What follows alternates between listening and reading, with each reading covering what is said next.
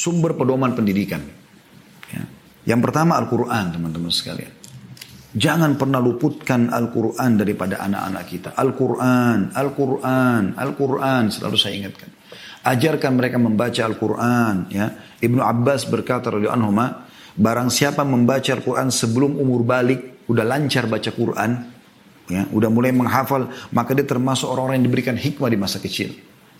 Begitu juga Ali bin Abi Thalib berkata, Rasulullah SAW bersabda, barang siapa membaca Al-Quran dan menghafalnya, menghalalkan apa yang dihalalkan di dalamnya, dan mengharamkan apa yang diharamkan di dalamnya, maka Allah akan memasukkannya ke dalam surga, dan memberi syafaat kepada sepuluh dari anggota keluarganya yang telah difonis masuk neraka. Hadis ini riwayat Trimidi, Ahmad dan Ibnu Majah. Ini luar biasa. Apa membuat anda ragu tentang Al-Quran? Renungi firman Allah Subhanahu wa taala ini dalam surah Al-Maidah ayat 15 sampai 16. A'udzu billahi minasyaitonir rajim. Laqad ja'akum min laqad ja'akum minallahi nurun wa kitabun mubin. Yahdi Allahu man ittaba ridwanahu subulas salami wa yukhrijuhum minadh dhulumati ila nuri bi'idnihi wa yahdihim ila siratim. Sungguh telah datang kepada kalian cahaya dari Allah dan kitab yang menjelaskan Al-Quran. Dengan kitab itulah Allah memberi petunjuk kepada orang yang mengikuti keridoannya ke jalan keselamatan. Dan dengan kitab itu pula Allah mengeluarkan mereka dari berbagai kegelapan kepada cahaya dengan izinnya. Dan menunjukkan mereka kepada jalan yang lurus. Kita sayangkan sekali sekarang teman-teman sekalian. Selalu di pendidikan itu dibedakan antara mana yang, uh, apa namanya, mana yang... Uh, pendidikan umum mana pendidikan agama. Kalau pendidikan umum tidak akan dipelajari Al-Quran. Ini aneh sekali. Ini aneh sekali. Di Mauritania saya dengar berita teman-teman sekalian. Walaupun dia dokter, walaupun dia insinyur, walaupun dia jurusan-jurusan umum. Tapi mereka tuh hafal Quran 30 juz. Mereka kalau duduk di majelisnya, yang mereka bicarakan adalah sebab turunnya ayat ini, perkataan sahabat, ada hadis yang menguatkan ini. Mereka tidak bicara tentang ilmu umumnya. Itu hanya pelengkap bagi mereka. Tapi agama nomor satu. Dan kita sayangkan juga teman-teman sekalian, menyedihkan sekali. Saya selalu menangkap lembaga pendidikan Islam, seperti misalnya pesantren ya, seperti tempat pembuangan saja. Orang tuanya kalau lihat anaknya nakal, nanti ayah atau ibu masukkan kau di pesantren ya, seakan-akan pesantren tempat pembuangan, penjara buat anak-anak nakal. Subhanallah.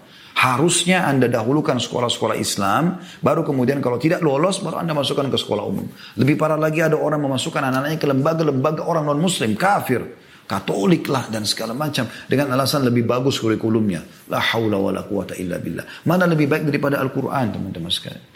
Saya pernah masuk pesantren, azan disuruh ke masjid, di kelas kita dengarkan Allah berfirman, kita diajarkan at-tajwid, kita diajarkan uh, makna-makna tadabbur ayat Al-Qur'an, kita dikasih hafalan Qur'an, kita dikasih hafalan bacaan sholat dan segala itu yang menolong kita. Yang kedua, sunnah Rasulullah SAW. Ikuti sunnah-sunnah Nabi SAW. Ya, ini harus dinukil untuk kita. Selalu ajarkan teman-teman Rasulullah bersabda, Rasulullah bersabda, selalu begitu dan biasakan selalu bilang sallallahu alaihi wasallam. Ini banyak sekali dalilnya teman-teman sekalian. Menit tinggal lima menit lagi waktu asar, maka saya harus ringkaskan.